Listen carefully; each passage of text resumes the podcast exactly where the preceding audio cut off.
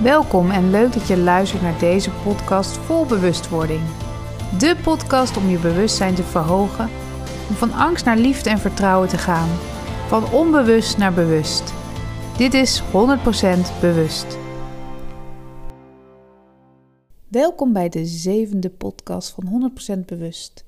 Vandaag ga ik het hebben over grenzen stellen heel veel mensen in mijn praktijk en ik zelf ook worstelt toch met hun eigen grenzen en vooral het voelen ervan. Want waar ligt jouw grens? En ben je er nu misschien weer overheen gewalst? Grenzen stellen zorgt ervoor dat je trouw blijft aan jezelf, aan je eigen gevoel. Door grenzen te stellen schep je voor de ander duidelijkheid en creëer je voor jezelf ruimte. Wanneer je geen duidelijke grenzen hebt, levert dat vaak heel veel stress op. Grenzen gaat niet alleen over je eigen grens bewaken, maar ook de grens van de ander respecteren. Soms kan het zijn dat jouw eigen gedrag over iemand anders zijn grens gaat.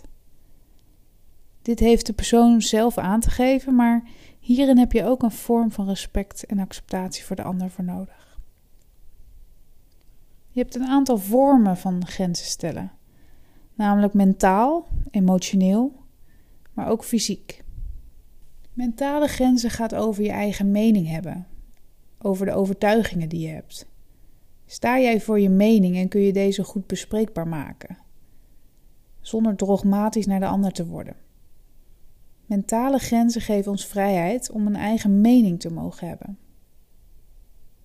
Emotionele grenzen helpen jou met je eigen emoties om te gaan en de verantwoordelijkheid daarvan te nemen. Het zorgt er ook voor dat jij je losmaakt van eventueel schadelijke en misschien manipulatieve emoties van de ander. En fysieke grenzen, ja, deze grenzen gaan om je eigen ruimte en de fysieke aanraking die erbij komt. deze kunnen soms worden geschonden als iemand letterlijk te dichtbij komt of je ergens aanraakt eh, wanneer je dat niet wil. Het kan zijn dat jij moeilijk je grenzen kan stellen. En dat herken je bijvoorbeeld als je geen nee kunt zeggen of dat in ieder geval moeilijk vindt. Dat je juist bemoeit met de problemen van anderen. Dus ben je best wel veel bezig met een ander. Je bent afhankelijk van de mening van een ander en je hebt vaak toch wel angst voor afwijzing. Als jij gezonde grenzen hebt, dan geef jij je waarde niet op voor anderen. Je weet vaak wat je wilt en je kunt er ook heel goed over praten. Je accepteert de nee van de ander en deze vat je niet persoonlijk op. Je kan ook zelf goed nee zeggen. Je hebt ook mensen die intieme relaties vermijden, niet snel om hulp vragen en anderen op afstand houden. Dit noem je rigide grenzen. Maar de meeste mensen hebben wel een combinatie van verschillende soorten grenzen. Op de werkvloer kan iemand bijvoorbeeld gezonde grenzen hebben, terwijl er bij de partner in de romantische stuk zwakke grenzen zijn, of andersom. En zeker wanneer je een pleaser bent, is het moeilijk om grenzen aan te geven. Je zegt dan meestal overal ja op en voelt vaak niet dat je over je eigen grens gaat. Een pleaser zijn meestal mensen die zich goed kunnen inleven in de ander. Dat hebben ze vaak vanuit huis al meegekregen. Onder dit please-gedrag zit vaak onzekerheid en een laag zelfbeeld. Angst om afgewezen te worden als je bijvoorbeeld nee zegt. Confrontaties zijn meestal lastig en het schuldgevoel is heel vaak aanwezig. Je krijgt meer stress omdat je continu eigenlijk over je eigen grenzen gaat en vaak dingen doet die je eigenlijk niet wil. Mensen gaan over je heen lopen en zelfs in relaties, romantische relaties, kan er misbruik van je gemaakt worden. Als de balans gewoon totaal zoek is. Want soms is de ander wel heel duidelijk met zijn grens aangeven en de ander juist niet. Hier staat een ontzettende disbalans. En ik zal het eerlijk toegeven, ik ben altijd zelf best wel slecht geweest in grenzen stellen. Zo voelde ik pas altijd achteraf dat ik over mijn grens was gegaan. Hoewel in sommige situaties ken ik mijn grenzen juist weer heel goed. En vaak zijn dit grenzen die te maken hebben met praktische dingen. Meer de mentale grenzen. Maar de emotionele grenzen zijn vaak lastiger te herkennen. Ik ging daar vaak de mist in Juist omdat ik de ander zo goed begrijp. En omdat het soms toch niet zo erg is, of dat ik dacht van het is maar tijdelijk, het gaat wel weer over. Maar als ik er middenin zit, voelde ik weerstand. En het vrat me uiteindelijk op van binnen. En dat voelde ik dan eigenlijk altijd te laat. En dat geeft echt de nodige stress en struggles. En hoe meer ik bewust werd van mijn grenzen, hoe sneller ik ze ging ontdekken. Het herkennen van deze situaties is dan ook erg belangrijk om jouw grenzen te stellen. Wat me ook goed deed, is dat ik tijd en ruimte nam om te voelen. Ik dacht er dan nog even over na voordat ik een antwoord gaf. Het is vooral voelen, ervaren, leren en het allerbelangrijkste, je grenzen delen met de ander. Communiceer erover. Echt eerlijke en soms pijnlijke communicatie. Dan weet de ander ook waar zij of zij aan toe is. En leer nee te zeggen zonder een excuses eraan vast te hangen, want dat is vaak wat we ook doen. En niet altijd is iedereen het eens met mijn grens. En moet ik soms eigenlijk mensen teleurstellen. Maar het zorgt er wel voor dat ik niet oververmoeid raak en dat ik die leuke vrouw blijf die ik diep van binnen koester. En ik kan er daardoor ook voor mensen zijn die mij dierbaar zijn.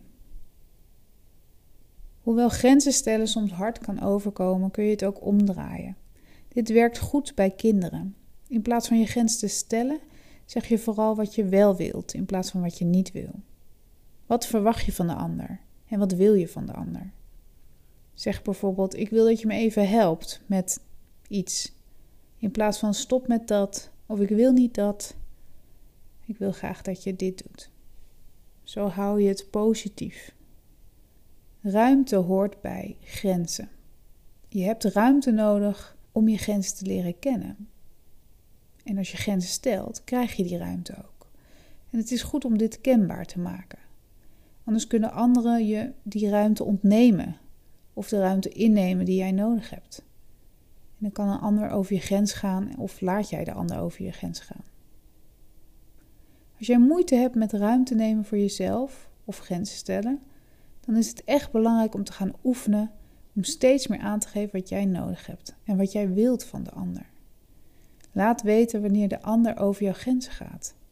Vaak zit daar een angst onder om het niet te doen, om een ander bijvoorbeeld bang dat hij boos wordt, of misschien wel te verliezen als vriend of vriendin.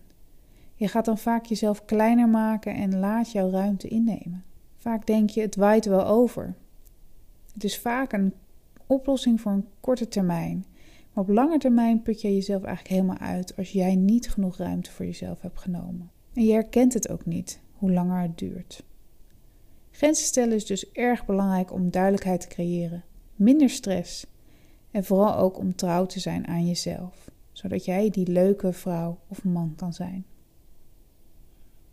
Misschien wel leuk om eens een oefening te doen met een dierbare vriend, om te kijken of jij over je grens laat gaan.